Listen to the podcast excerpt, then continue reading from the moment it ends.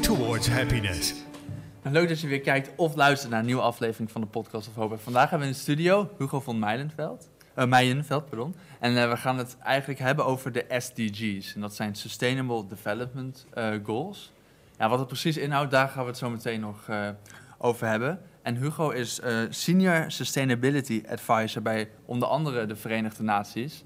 En ja, ja leuk dat u er bent. Ja, geweldig eh, dat ik hier ben uitgenodigd. En ik hou graag mijn verhaal als dat eh, mag.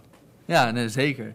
En, ehm, Daar zijn we voor. ja, precies. Oké. Ja, we gaan het dus hebben over geluk. Dat is waar de podcast om gaat. En het, we vinden het leuk om als eerste vraag eigenlijk te vragen wat uw definitie is van geluk. Zo van een harde beginvraag.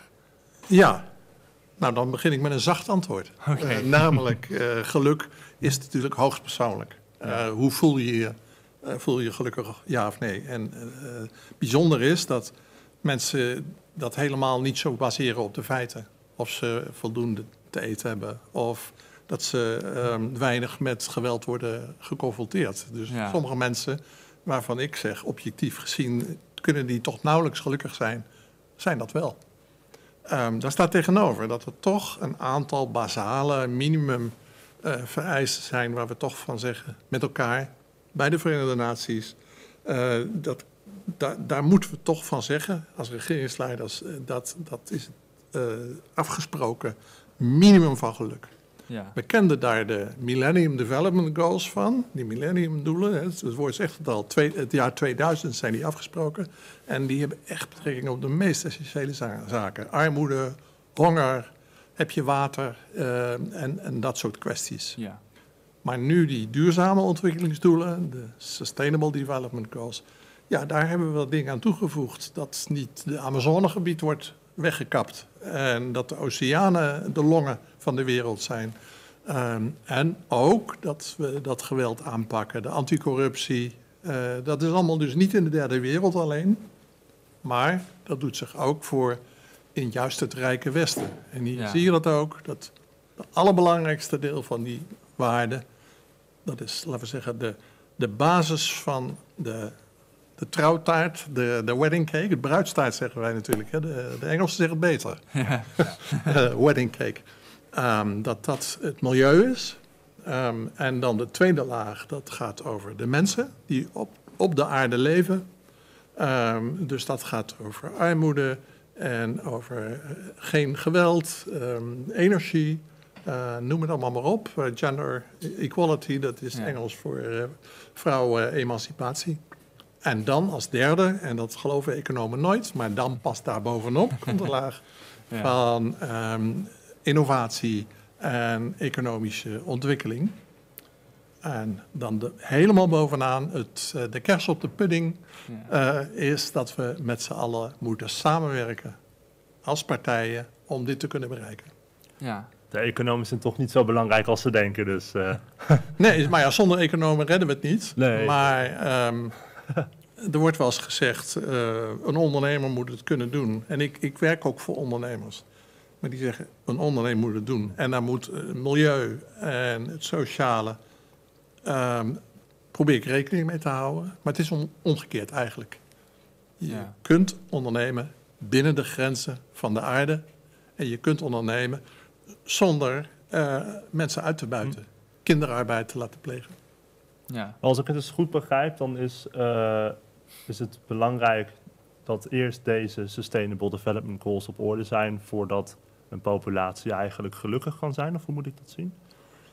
Dat zou ik wel zeggen, ja. Ja. Ehm, eh, vooral dat harde gedeelte wat ik noemde. Er is een soft gedeelte de- waar ik heel weinig invloed op heb. Want eh, kijk naar de criminaliteitscijfers in Nederland. Die gaan de goede kant op. Maar als je mensen enquêteert en vraagt... wordt Nederland eh, steeds veiliger of gevaarlijker? Nou, dan zegt iedereen, het wordt steeds erger. ja. En hoe komt dat natuurlijk? Ja, dan kan je zeggen, eh, dat komt niet door de cijfers... maar dat komt door welke ze lezen. Ja, ja want inderdaad, want het is inderdaad wel zo. Eh, mensen zeggen dat het gevaarlijk wordt, maar is dat ook daadwerkelijk het geval? Ja, nou ja, eh, wat mij betreft, eh, je kunt discussiëren over welke cijfers zijn bepalend. Ja, Maar het aantal vermoorde mensen neemt eh, absoluut en relatief af. Ja, precies. Dus ja, zo is het. En eh, dat was ook een tijd met verkeersdoden zo. Mhm. Nu neemt het weer iets toe. Eh, dus ja, dat is het grote ja? verschil. Ja, het neemt weer toe. Dat is wel Ja. interessant. Dat komt, eh, wel over- min- mensen minder rijden, toch? Ja, maar dat komt door bejaarden op eh, elektrische fietsen. Oh, Echt waar? Sorry voor deze.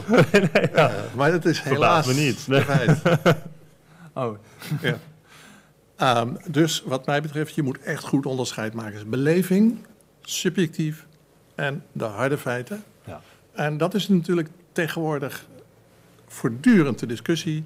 Ehm, de harde feiten, dan zegt men, ja, maar de, de- de- uw feiten zijn niet mijn feiten. Ik heb een andere politieke opvatting over de feiten. Ja.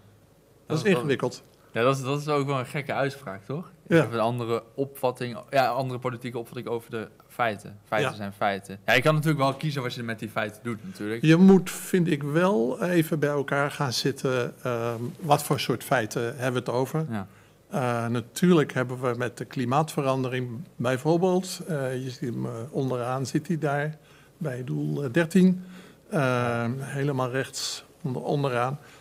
En natuurlijk is er een discussie geweest, ehm, zijn we alle wetenschappers het onderling met elkaar eens? En aan het begin was dat niet zo. Nee. Dus dan moet je vooral dus geen strijd beginnen, maar iedereen vragen aan dezelfde tafel te gaan zitten. Uh, ovaal of uh, vierkant of rond. Um, en dat is uh, de Intergovernmental Panel on Climate Change geworden. IPCC. Ja, ja dat komt me wel bekend voor. Die ja. ja. ja. Dus, en dan, dan kom je eruit. Ja, want je hebt natuurlijk, tenminste, ja, als ik bijvoorbeeld op Twitter scroll of zo. Um, ja, misschien ook niet de beste plek om dat soort informatie op te doen, maar je merkt dus wel heel veel twee kanten. Wikipedia had ik opgehoopt. ja.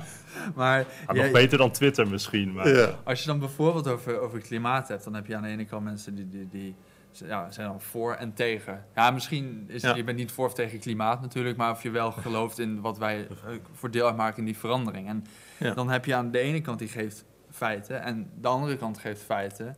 En dan is het eigenlijk een soort van botsing tussen die twee, waar eigenlijk helemaal niets uitkomt. Nee, ik zou dan zelf bepleiten, omdat we die fase hebben meegemaakt met klimaat. En ja. dan moet je gewoon zeggen, diegenen die zeggen, ik heb andere feiten. Uh, alternative facts heet dat, dat is een hele ja, leerstuk ja, geworden. Uh, nodig ze uit. En, en laat ze hun zaak maar uh, bepleiten. En dan zie je over het algemeen keert de rust terug. Als, als ze serieus worden genomen, als ze het gevoel krijgen, er wordt naar me geluisterd. En dan ik, misschien heb je een voetnootje of een boek waar het in staat. Ja, dat, dat is dan vaak. De vindplaats is altijd een beetje lastig, maar. Ja, zeker. Uh, maar dat geeft niet. Maar benader ze serieus, dat wel. Mm -hmm. Ja, ik denk dat vooral in, in, met dit soort grote discussies het heel belangrijk is om die polarisatie juist tegen te gaan. Ja. Ongeacht wie er nou wel of geen gelijk heeft. Ja. Laten ja, dat, we. Dat is punt 17, hè? Je ja, moet toch dat ja, partnerschap uh, creëren. Ja. We hebben natuurlijk een voorbeeld van de Verenigde Staten.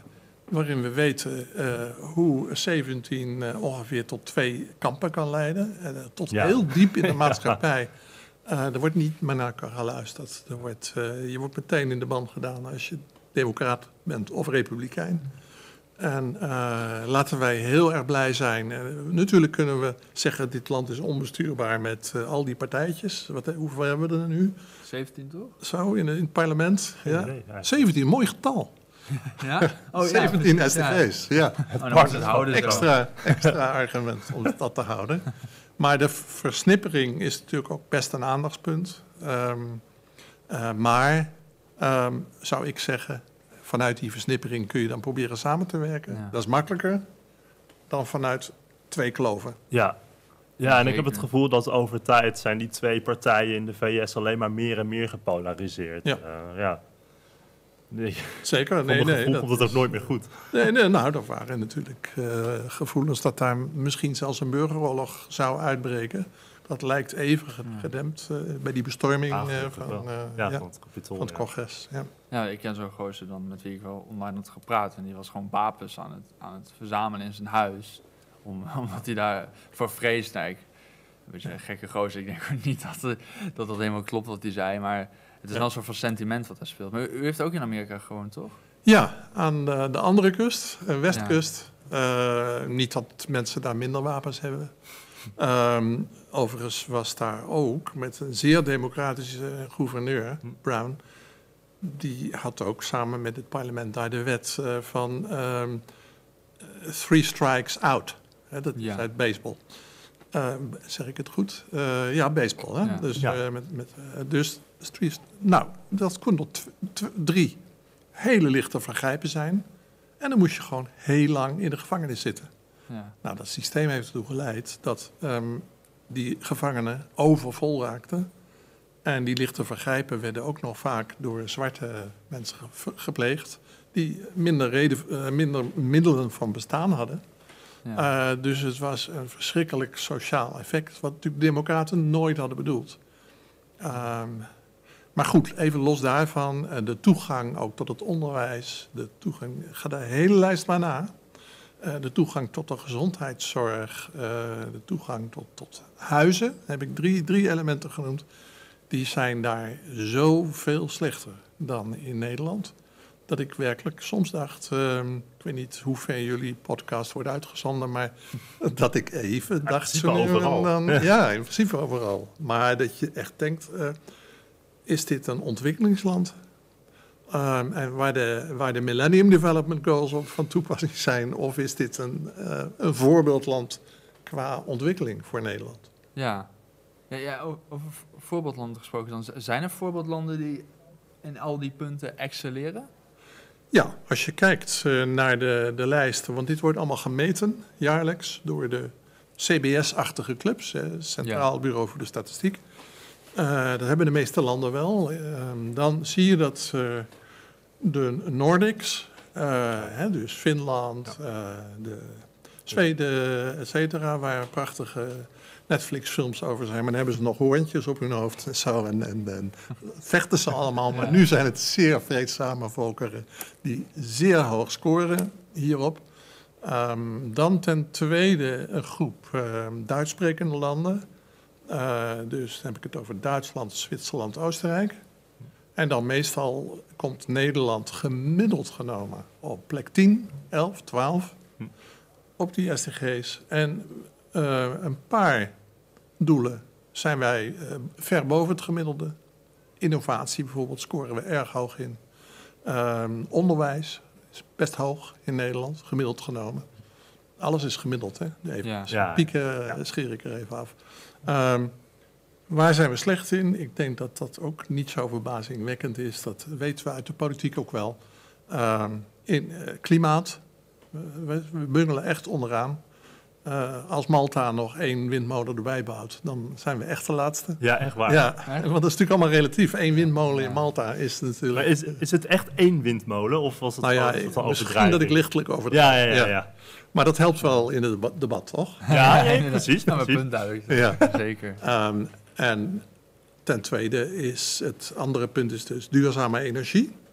Eh, en dan bedoel ik dus echt eh, geen enkel fossiele energie, maar dan heb ik het eh, wind, zon, ehm, aardwarmte, Hmm. noem het maar op. Daar scoort Nederland echt zo slecht op.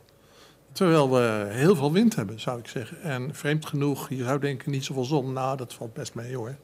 We moeten gewoon meer op de daken zonnepanelen bouwen. En niet op eh eh, zonneweiden, eh, want dan zie je ze allemaal.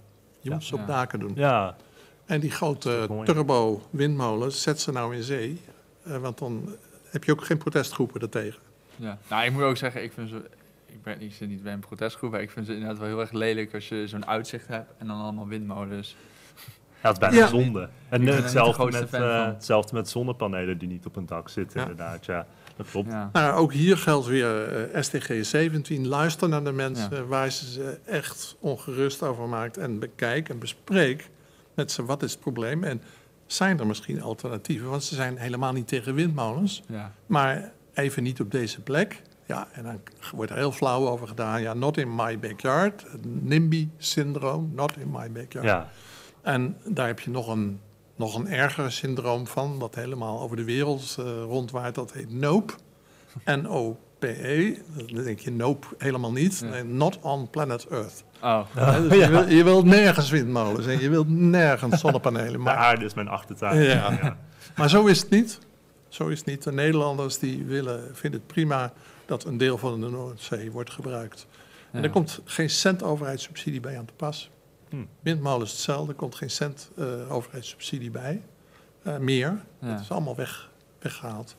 Dus ik zou zeggen, Nederland eh, komt met een heel goed programma om naar die laatste plaats in Europa te gaan bijspijkeren. Gender, dus vrouwen-emancipatie, staan we er heel slecht voor. Ja? Daar is zelfs het VNO-NCW zegt, misschien moeten we toch maar met quota gaan werken. Eh, wie, wie zijn het? VNO-NCW, dat zijn de werkgevers. Die zijn in beginsel altijd tegen eh, verplichte maatregelen om te zeggen... eh, bedrijf, jij moet meer Mhm. vrouwen in de leiding nemen... of jij moet je vrouwen precies evenveel betalen als mannen. Want dan Ja. zeggen ze, ja, nee, maar dat, dat is een kwestie van tijd. Nou, dat hebben we berekend. Eh, dat kost eh, 87 jaar. Dan wil je dat gat overbruggen. Eh, dus Ja. die tijd... Dan ben ik er misschien niet meer, joh. ja, nou. eh, dus, dus wij zeggen allemaal dat is compleet onaanvaardbaar. Want wil je een goed, levendig, presterend bedrijf hebben, dan moet juist daar vrouwen in de leiding zitten. Ja. Dat is wel bewezen. ja? Als je een diverse, diverse cultuur hebt in jouw bedrijf, in de leiding en ook qua salaris, eh, dan, dan floreert je bedrijf. Betere prestaties. Dus, Hmm. dus daar is, is het bedrijfsleven van overtuigd ook. En die heeft zelf dus ook nu gepleit voor overheid. Doe het nu dan ook maar, we zijn overtuigd. Leg maar een verplicht quotum. Maar als zij, als Maar- zij zijn ja. overtuigd daarvan, dan kunnen ze het ook gewoon zelf doen, toch? Ja, maar dan hebben ze toch, dat is de koepel. En hun individuele leden houden ze dan toch de win niet aan. Dus Ja. daar heb je nou eenmaal de wetgever voor, die gewoon in de wet zegt: het moet. En eh, bij wijze van spreken de handhaver erop afstuurt. Eh, Hmm. Politie zie ik niet zo snel een bedrijf Nee, instromen. Maar een handhavingsorganisatie, die kan wel zeggen, eh, bijvoorbeeld de accountant, kan zeggen: mag ik even uw boeken zien? Ja. En als daaruit blijkt dat je toch niet voldoet aan de wet, dan is dat wel een punt om op te lossen. Maar als dan eh, eh, het hebben van vrouwen in je topposities objectief beter blijkt te zijn, waarom gebeurt het dan nog niet gewoon? Dat, dat snap ik niet. Waarom zou dat dan niet gewoon vanzelf gebeuren? Nou, dat is dan toch een punt van communicatie, eh, Hmm. vrees ik. Hè. Je, hebt, je, hebt, je hebt wetten en je hebt subsidies die je kan doen. Ja. Eh, kijk, wetten zouden ook voldoende moeten zijn. Het moet van de wet, dus ik doe het. Dat hoor je bedrijven heel vaak zeggen. Ik Ja. heb me aan de wet gehouden. ja. Maar kennelijk is dat toch nog niet genoeg. Dan zeggen ze, eh, ja, maar ik moet een subsidie hebben of een fiscaal voordeel. Maar dat is kennelijk toch weer niet genoeg.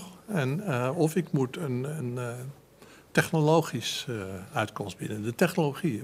En, maar communicatie, moet ik bekennen, die moet je er ook bij doen. Hè. Dus het hele gevecht tegen roken bestond uit deze vier punten. Mhm. Als je één van de vier niet doet, dan gaat het je niet lukken.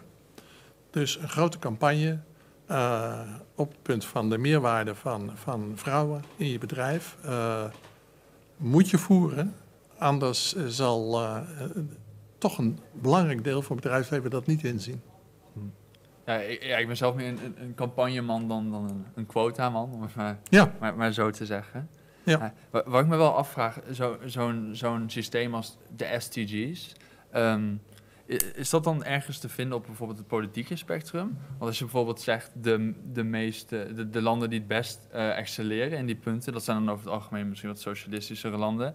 En, en, en quota's zijn wel een thema wat je vaak terugziet bij wat linksere partijen. Ehm, is, dat, is dat vereist? Is, het nodig om een, een politiek standpunt, eh, een politieke ehm, eh, keuze daarin te maken? Of staat het los van de politiek? nou ja, eigenlijk hebben de politici dit al lang aanvaard. Eh, er is in ne- 2015 hebben de regeringsleiders in de persoon van Mark Rutte een dikke handtekening gezet. Eh, dit is dus niet een besluit van de VN Hm. bureaucraten. Dit is een besluit van de regeringsleiders. Ja, Ehm, die vooraf dat keurig netjes in hun eh, eh, ministerraden en kabinetten be- besproken hebben. En in het parlement. ja. Maar ik ben realist genoeg om te weten dat iedereen zei: Nou, wat een mooi plaatje. En kijk eens hoe, hoe aardig. Ehm, dus, dus laten we dat maar doen. Ja, nee, het kan toch niet waar zijn dat Nederland daar dan nee tegen zegt. ja, het staat misschien ook wel goed om te Ja. laten zien aan mensen, "Yo, ik heb hier mijn hand- handtekening Ja. onder gezet. Maar Nederland heeft zich, zoals gebruikelijk, eh, laat ik toch maar even voor Nederland alleen praten, dan weer even niet eh, druk gemaakt over de implementatie van het geheel. Dat doen we wel vaker. Ja. Eh, dat we gewoon ja zeggen en vervolgens pas beginnen te onderhandelen op het moment dat het uitgevoerd moet Ja, worden. ze hebben het helemaal niet Dat is geprobeerd. Het is niet dat ze de verkeerde maatregelen hebben getroffen, ze hebben het gewoon helemaal niet geprobeerd. Klopt. Ja. Want wat mij betreft, de maatregelen zijn vrij. Je mag eh, linksom, rechtsom, door het midden. eh, dat schrijft niemand voor, ja, hoe je er wil komen. Dus als jij zegt, ik ben iemand van de PR, dan is dat prima, ja. als je zo wil doen. ja, precies. Dus dit, dit, het, het eindpunt, het uitgangspunt is... Dat zijn de doelen. Dat, ja, en dat is wat objectiever. De manier hoe je die bereikt, daar is de discussie over mogelijk. Ja, en dat kun je per cultuur eh, van een land, bepaalt dat in hoge mate. Ja, En je kunt in Nederland ook zeggen, ik laat dat meer aan bedrijfsleven over, aan de vrije markt. Of zeg je, nou, eh, dat hebben we nu ook met corona gezien, dat vrije markt is interessant, maar Ja. een aanwezige overheid is ook belangrijk. Over goede wetenschap, eh, als die afwezig is, hè, dat is dus nog steeds dat SDG 17. Je moet al die partijen erbij hebben. En de jongeren, niet te vergeten. Ik kan me wel voorstellen dat je in dus een wat socialistische land waar de overheid gewoon een grotere rol heeft, wel sneller bij die punten komt, omdat Ja. er ook gewoon wat meer gedaan wordt. Ja. Ja, Maar daar is het, eh, het probleem weer dat de ambitie misschien wat minder hoog is dan in eh, een land als Nederland. Bijvoorbeeld, ja. ja, laten we zeggen, de zorgen om vervuiling in een, in een communistische staat eh, ietsjes minder ja, groot is. Je ziet nu wel in China dat men het volk begint te morren over de luchtvervuiling. Ze kunnen hun eigen gebouw niet meer zien. En dat er nu wel heel grappig, dat, eh, dat daar een vorm van democratie is. ja. Dat de leiders van de partij zeggen, die lucht moet schoon. Want ons volk kan niet eens meer ademhalen. Ja, Ik, hoorde dat hoe, hoe welvarender eh, een, een land wordt, hoe meer er zorgen wordt gemaakt over dingen als klimaat. Ja, dat Al- lijkt me ook wel logisch natuurlijk. Want eh, als je een, een, een land bent die niet veel middelen heeft, dan zijn de eerste dingen waar je druk om maakt, zijn natuurlijk eh, voedsel, water, dat soort eh, dingen. Ja, Ja. Nou, dat heeft China, eh, eh, was een land met een hongersnoodprobleem. Ja. Dat hebben ze Ja. toch maar opgelost, eh, zonder buitenlandse hulp. En daar zijn ze super trots op. Ja. Eh, vandaag is eh, in het nieuws geweest dat eh, China geheel malariavrij is. En daar zijn ze, dat hebben ze zelf gedaan met een keurig gezondheidsdienst. En daar zijn ze buitengewoon trots op. ja. Dus zo moet je het ook bekijken. Ja, maar die economie daar groeit ook nogal sterk, hè? Ja. Dus dat, dat doen ze ook wel heel goed, ja. Maar als dat ook nog schoon kan, dan, dan Ja. hoor je mij ook niet klaar. Nee, precies. Maar wat zou bijvoorbeeld eh, iets zijn wat wij als Nederland van bijvoorbeeld een land als Zweden of zo kunnen leren om het hier dan beter te doen eh, voor die SD SDG's? Ja, wat mij betreft zouden we dan ehm, toch kunnen leren dat we op iets langere termijn de zaak bekijken. Hm. Wij zijn toch, hebben een neiging om wat, wat kort binnen vijf jaar naar vooral financieel gewin te kijken. Terwijl eh, levensgroot op als je Amsterdam binnenkomt lopen, dan zie je links een prachtig eh, historisch gebouw. En daar staat in oud-Nederlands: de kost gaat voor de baat uit.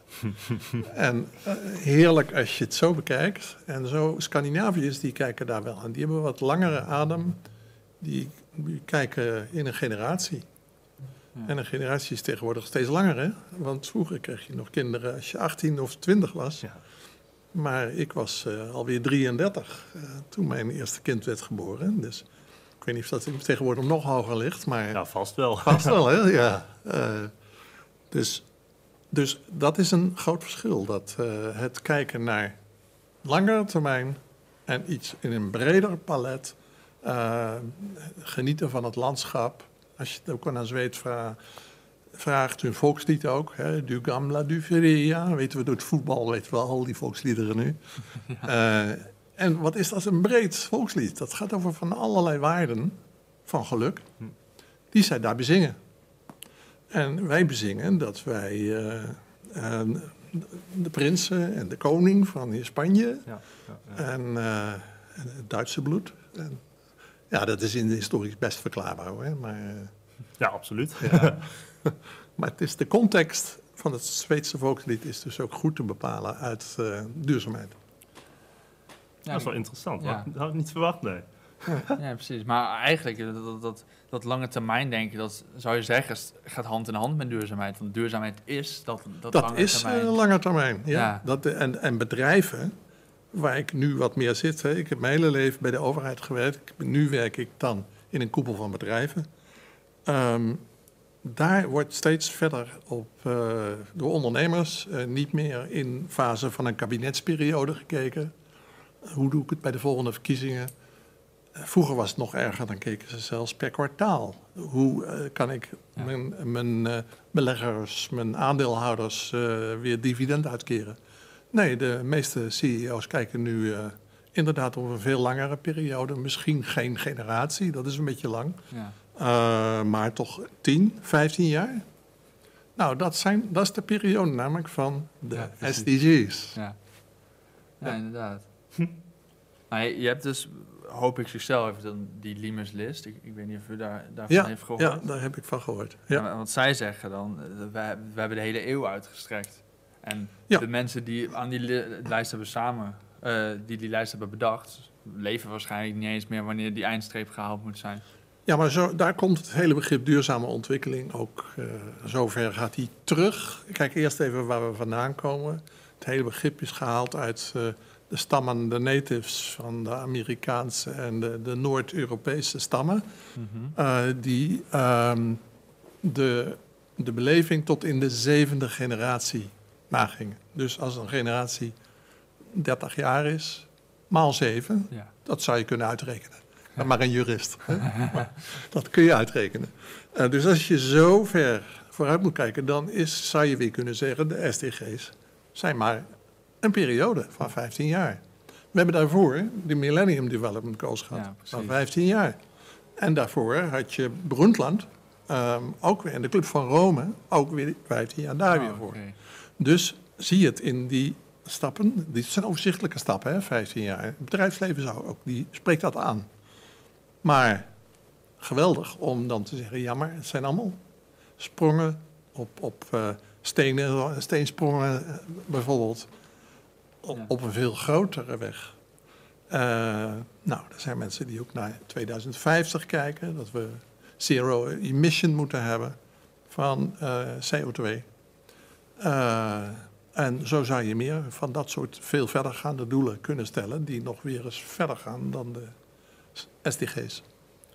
Ja. Maar het lijkt me een stuk beter om juist wat kleinere doeletjes op een kortere periode Ja. te hebben. Want dan heb je een, een duidelijker pad naar. Ja, daar naar ben ik het natuurlijk heel erg mee eens. Dat was ook het eh, de argument Ja. bij de onderhandeling. Want als je gaat zeggen 2050 en eh, zero emission, zegt iedereen, weg En, ja. ben ik het mee eens. Ja. Daar ben je het mee eens. Hm. Maar niemand gaat dan meer over een pad praten. Dan, Nee. dan is het gewoon een geloof aan het En dan, worden. en dan komt dat natuurlijke uitstelgedrag er weer bij kijken van, oh, Ja. het is pas 2050 moet dat Ja. gebeurd zijn. En nu zie je dus, eh, de doelen van 2030, hè, dat is die SDG's, dat is eh, nog niet eens over tien jaar. En dan zie je dus ook rechters die zeggen, dat pad, dat ben je nog niet eens ingeslagen, dus nu ga ik jou toch wel veroordelen. Ja.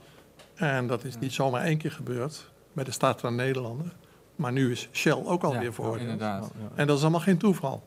Het pad is smal en het is strak en de termijnen zijn overzichtelijk. Ja, interessant. Ja, duidelijk, ja. Ja, Ik had eigenlijk nog één, één laatste vraag over, over dit model, dat hier op het, op het beeldscherm Ik heb staat. nog meer plaatjes. Ja, nee, precies. Maar over, de- over, over dit model heb ik nog één vraag. Ja. Want u, u zegt dus, het, het heeft ook met... Ja, ik weet niet of het het uitgangspunt heeft, maar het heeft ook met, met geluk te maken. Maar ik, ik vraag me dan bijvoorbeeld af... Kun je ook gelukkig zijn als je je omgeving alleen voldoet aan de onderste schijf van de cake... en niet aan society, society en eh, economy? Ehm, of moet dat echt een combinatie zijn van alles?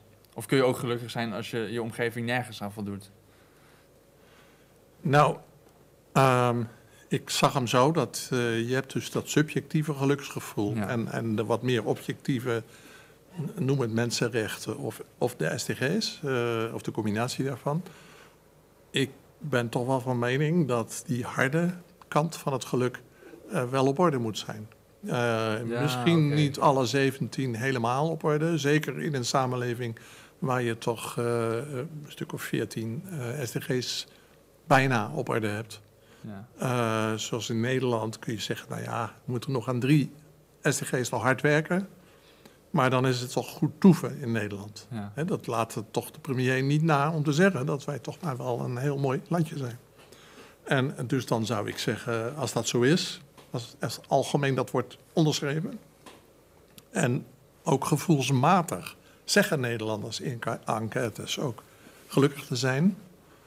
Ehm, ja, dan moet je ze ook geen ongelukken aanpraten, zou ik zeggen. Ja. Ja, dat werkt ook zo tegen, ja. Ja, en dan zou ik zeggen, laten we ook vooral eh, om ons heen kijken. En eh, we hebben niet voor niks ontwikkelingssamenwerking. Ja. En de Millennium Development Goals, die gelden ook nog steeds. Ja. Nou ja, in de, ehm, bijvoorbeeld een vorige podcast ehm, werd ook verteld dat mensen bijvoorbeeld in een Afrikaans eh, derde wereldland, die hebben ook Ja. wel heel erg een groot gevoel van geluk. Toch wel. Ja. Ehm, en ik heb altijd zoiets van, als men zich gelukkig voelt aan het einde van zijn leven, is dat niet het meest belangrijke. En is alles wat daarbij komt, ja, niet precies dat, gewoon bijkomstigheid. Ik ben iets te veel, denk ik, een collectivist. Ja, Geen communist overigens. Eh, om te zeggen, ja, maar op die manier ehm, snap ik het voor een individueel mens Ja. heel goed. Eh, maar het land wat het eerst met de bruto nationaal geluksfactor is gaan werken, Bhutan, hebben aan mij college gegeven hoe dat bedoeld is. En dat is zeker niet alleen individueel uit te leggen hoe jij eh, ongeveer aan het eind van het leven, hoe jij je voelt aan het eind. Heel belangrijk, overigens. Maar ook hoe jij als gemeenschap je hebt gedragen jegens de natuur en jegens anderen. En jegens degene die nog niet kunnen spreken, namelijk die in de buik van de moeder zit. de komst- de toekomstige generatie. Ja, zou dan misschien... Oh, oh nee. maar Bhutan is niet een land met heel veel middelen, toch? Als ik het goed Dat is begrijp. een ar- arm land. Dat is een heel arm land. Ja, en in hoeverre kunnen zij dan voldoen aan eh, bijvoorbeeld de SDG's? Eh, ja, maar het is niet zwart-wit of ze eraan kunnen voldoen. Het gaat erom, het is een transitie Ja, van Ja, hun huidige situatie naar de doelen bereiken. Ja. Ehm, Oh ja. Zij staan er natuurlijk eh, slechter voor hè, dan Nederland. Ja. Absoluut. Maar ze kunnen ook eh, een beroep doen op Nederland. En zeggen van joh, eh, wij hebben een grotere gat te slaan. Eh, wij zijn in beginsel even gelukkig als jullie. Maar alleen ons land dient nog een heel stuk te gaan. Dus laten we samenwerken. Ja, dan denk ik ook een beetje dan de kwaliteit van leven. Dan is dat misschien een soort van... Ja? Die punten, als die allemaal zijn bereikt, dan heb je gewoon echt een... Misschien, ik weet niet of het perfect genoemd kan worden, maar een hele goede kwaliteit van leven in dat Ja. land. We hadden toen een eh, akkoord onder Pronk, was dat, hè, mijn eh, minister die ik Ja. heb gehad. Toen eh, was hij ook nog milieuminister trouwens. Hij is heel lang ontwikkelingssamenwerking geweest, ook Hmm. een stuk milieu. Toen was er het BBC-verdrag Bhutan, Benin en Costa Rica. En daar heeft Nederland gewoon eh, de last op zijn schouders genomen en gezegd: eh, ja, eh, die landen zijn evenveel waard als wij. En Ja. kunnen ons ook nog bepaalde dingen leren over, nou, bruto nationaal geluk. Ja. Hoe je dat eigenlijk collectief ook moet ervaren. Costa Rica, van hoe behoud je de, de biodiversiteit? Dat hebben ze gedaan. Dat is er genoeg om naar het land te gaan. wat, wat ze daar behouden hebben allemaal. En eh Benin ehm, had weer andere eh, effecten in de handel. Eh, dus, dus zo zijn we met die vier landen een, een flink aantal jaren goed in de slag gegaan. ja. Heeft u enig idee waarom een eh, land als Bhutan zo gelukkig is gemiddeld? Dat lijkt me wel heel interessant. Ja, dat is ehm, in, die, in de elementen die zij daar hebben neergelegd, is de cultuur een hele zware factor. Ja. En dat is een cultuur die wij heel erg slecht kennen. Ehm, eh, je zou kunnen zeggen, dat is heel flauw om te zeggen, wij hebben een klaagcultuur. Eh, maar meestal over onschuldige dingen, zoals eh, het weer. Ja, ah, dat ja. is, dat Ja, is de, de first world problems. Ja. Maar ehm, nu begint de overheid toch ook wel een hele goede tweede te worden om over te klagen. Ehm, en eh, niet, niet ten onrechte overigens. Ja, ze doen hun best. er is, ja, eh, daar moet echt, eh, echt iets heel stevigs eh, gebeuren. Hm. En dan is het toch een beetje die instelling dan. Van, ook, al, ook al gaat het fout bij de overheid, hoe, hoe, ehm, wat doe je daar zelf mee? Hoe, hoe, hoe kun je Ja. zelf gelukkig worden met dat dit gebeurt? Ja, eh, kijk, er zijn twee benaderingen mogelijk. Je kunt ook zeggen, in- waarom is het in Nederland zo de- bepaalde dingen goed georganiseerd? Omdat wij klager zijn. Dus wij vinden, het, Ja, wij zijn ontevreden, misschien ook wel dus het moet beter. Ja. Ja. En dan zegt de overheid weer, ja, maar je klaagt ook altijd, eh, maar 90% gaat goed.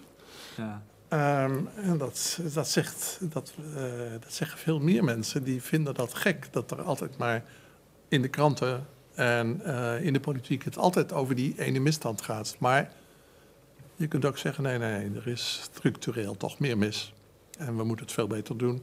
En de levensinstelling om toch met, met meer, om sneller tevreden te zijn met dingen. Dat is een culturele instelling die Ja. moet aan. Nou, dat geloof ik heel erg, ja. Ja, en Bhutan is denk ik heel erg familiegericht en zo, meer dan eh, dat we in Nederland zijn. Ja.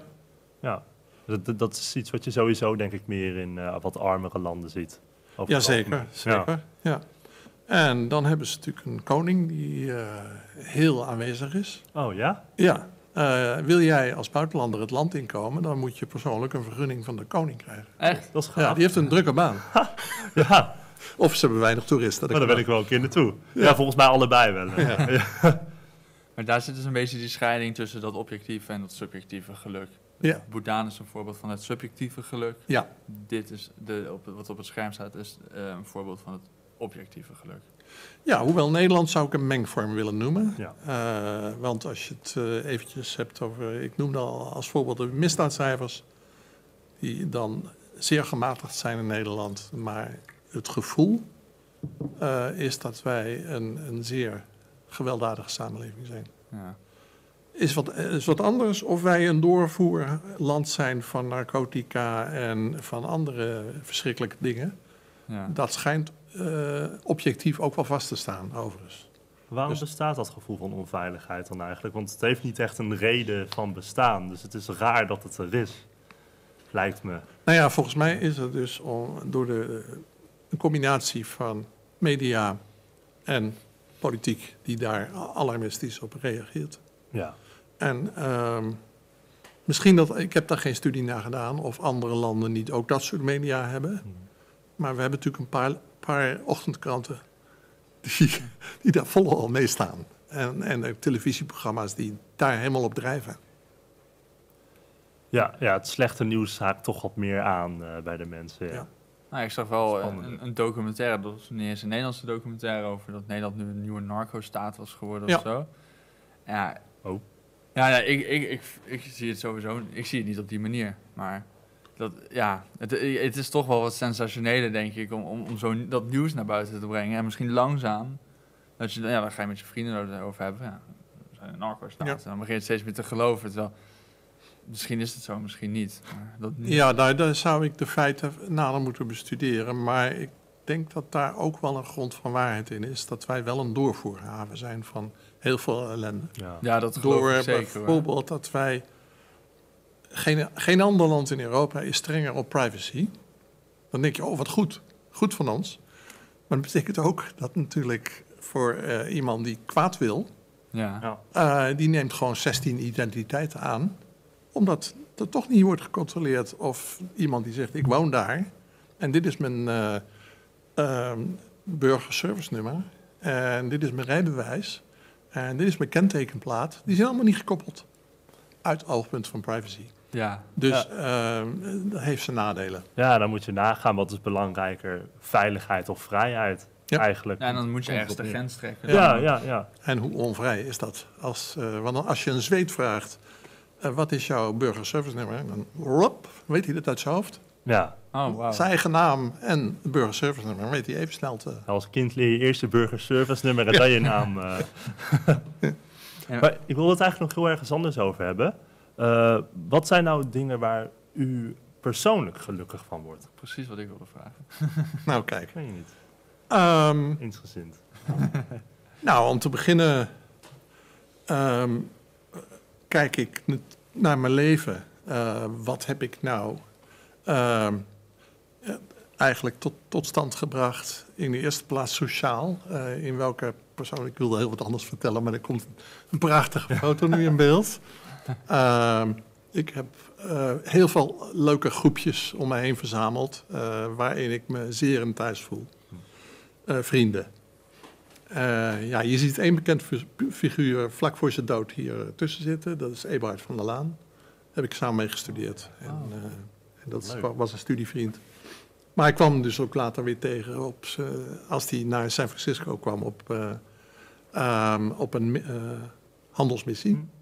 Dus dat eh, door al die jaren heen. En, dus, en een paar anderen zijn rechter geworden of, of nog wat anders. Leuk die levensverhalen met elkaar te vergelijken, maar ook gewoon een goede borrel te drinken. Iets anders, en dat, die hoort bij een andere, eh, met een, maar laat ik even met hem beginnen. Eh, dat is namelijk mijn familie. Ja. Super belangrijk. Dit is mijn.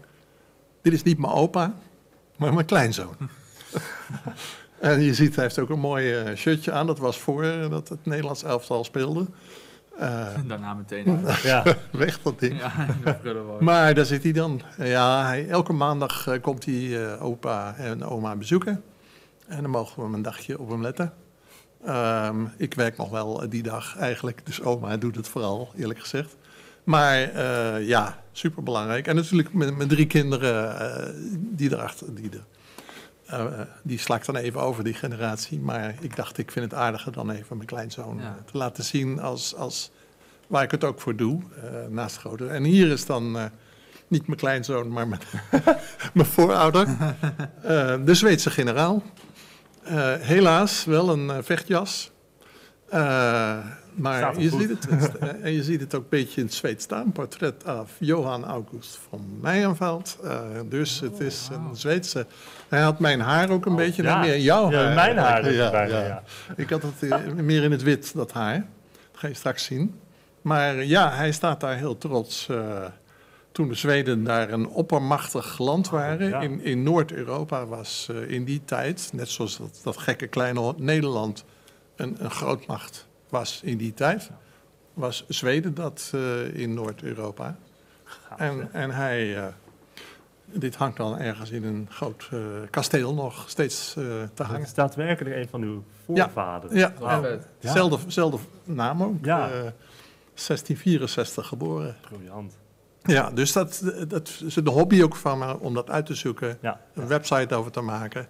Ja. En tot nu toe zijn mijn familieleden vinden dat interessant. Kijk, als niemand meer reageert, als het doodstil blijft, Ja. dan stop ik ermee. Er zit wel heel veel verbeelding bij, denk ik. Want als je een, een fotoboek had gekregen van elke herinnering die die, die man ooit mee had gemaakt, was het misschien een stukje minder interessant dat je zo'n schilderij ziet en dan Ja, gaat nadenken van wat was dit voor man. En, Ja, je vult meteen eh, heel veel dingen in al. En, ja. dat lijkt me wel, ik het lijkt me heel interessant. ja.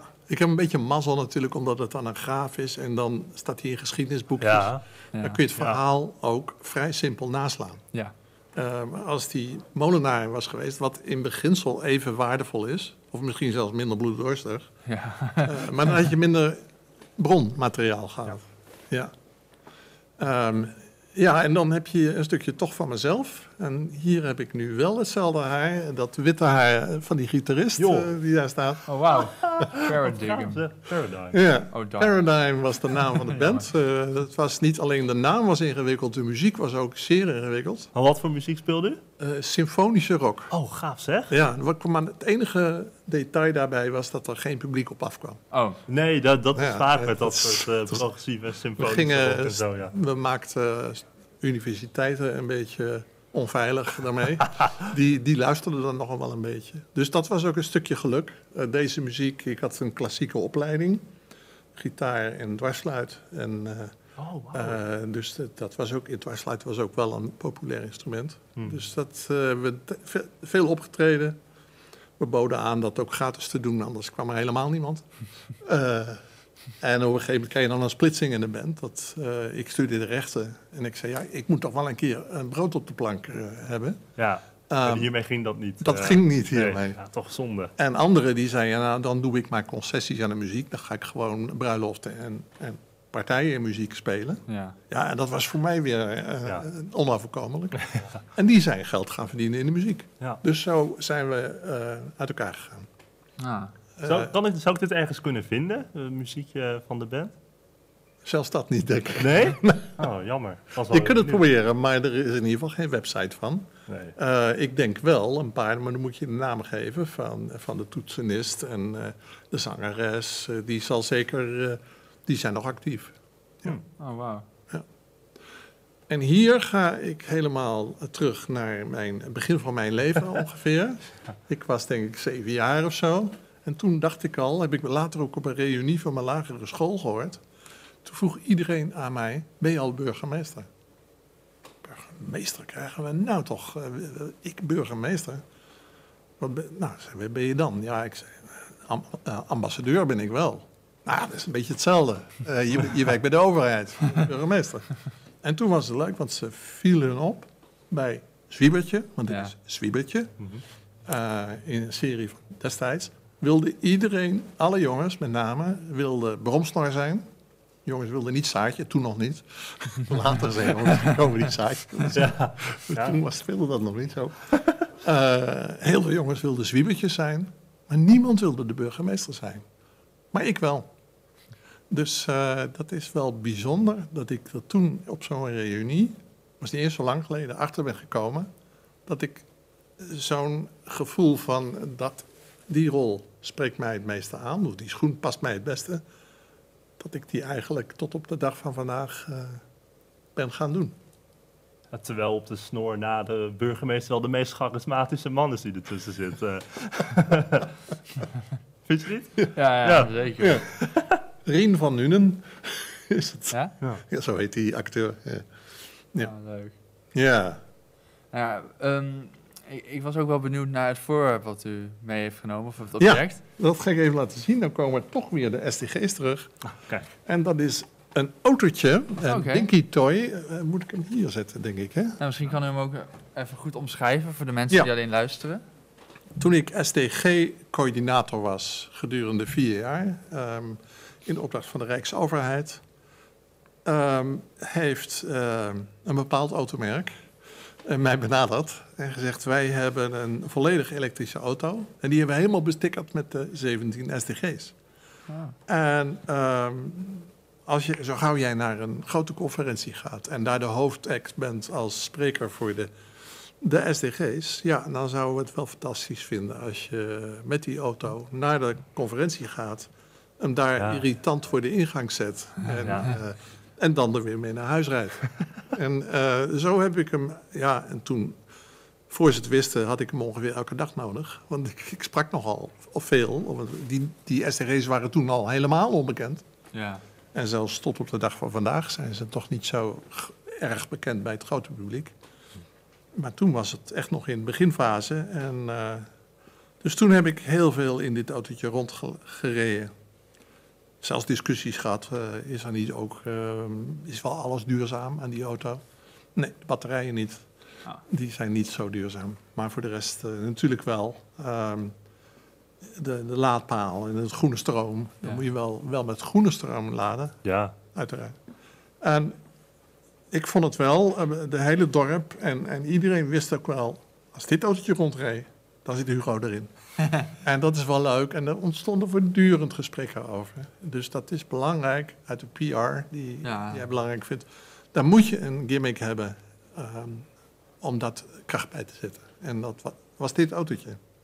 Ik heb hem weer netjes ingeleverd toen ik klaar was met de klus. Dus hij staat nu weer op een... eh, Maar mogen we hem niet houden? parkeer... Ja, dit, de Dinky Toy mocht ik houden. Maar de auto zelf niet. Nee, de- ja toch jammer. ja. Het was wel de Hugo-mobiel geworden dan. Ja, Hugo mobiel. Niet de maar Hugo mobiel. Ja, ja, ja. Ja, Leuk. dus eh, dat heeft zijn functie gehad. Mijn opvolgster, eh, de nieuwe SDG-coördinator, die had al zo'n autootje, maar dan zonder stickers. Hm. Dus eh, ja, Met stickers is hij toch leuker, hè? Eh, Vind ik wel. Vind ik wel. En in mijn eigen gemeente, De Beeld, eh, heeft hij ook eh, op een eh, centrale plek gestaan. Burgemeester erbij. Burgemeester met, samen met Zwiebertje. Eh, dus eh, het was heel erg leuk. Sorry, ja. ehm, Wat? Ja, ik, ik werd even afgeleid, pardon. Ja, nee, ja, nee, we zitten eigenlijk een beetje aan de Ja. tijd. Ehm, ja, maar in ieder geval, ik vond het heel leuk dat u hier te gast wilde komen. Ja, het is een beetje een abrupt einde. Maar Heeft u nog misschien een soort van een, een tip of, of iets wat u wilt vertellen tegen de mensen die luisteren en, en, en misschien geïnspireerd worden door, door dit verhaal? Nou, wat ik wel heel erg begrijpelijk vind, is dat iedereen vindt dat SDG's eh, ja, toch, toch een beetje onbekend zijn. Ja. Bekend zijn. En dat zijn er ook wat veel, 17. Maar eh, daar zeg ik dan maar tegen, eh, net zoals bij voetbal, denk je ook niet 11 voetballers zijn wat veel. Nee. Ehm, met name niet als het een elftal is. Ja. En dat ze een team zijn. En eh, nou, we hebben even gezien hoe het is dat je elf fantastische individuen hebt. Of 17 fantastische individuele SDG's. Dan komen we er niet. Maar juist door, door die samenwerking, een fantastisch 17-tal, met, met super samenwerking, eh, dan, zoals Cruijff altijd zei, je gaat het pas zien als je het door hebt.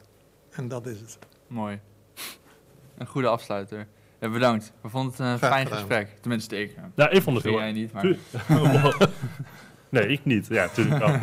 Oké, Ja, vond het heel leuk, inderdaad. Bedankt. dank jullie wel. dank u wel. Joe. Leuk dat je keek of luisterde naar deze aflevering van de Podcast of Hoop. Iedere zondagochtend komt er een nieuwe aflevering online op iTunes, Google Podcasts, Spotify en je kan ons zelfs bekijken op YouTube en podcastofhoop.nl. Vergeet ons ook niet te volgen op Facebook en Instagram. En heb je nou een suggestie voor de podcast of wil je zelf een keer je verhaal komen doen? Stuur dan een mailtje naar podcast.hoop-xxl.com. Tot ziens. De wereld waarin we leven biedt nog geen gelijke kansen. Voldoende eten en drinken. Een adequate opleiding. Goede gezondheidszorg. Vrede en geluk is niet voor iedereen weggelegd.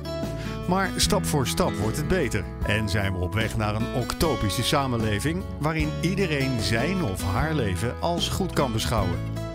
Het is een lange reis, maar we zijn op weg. Podcast of Hope. Moving towards happiness.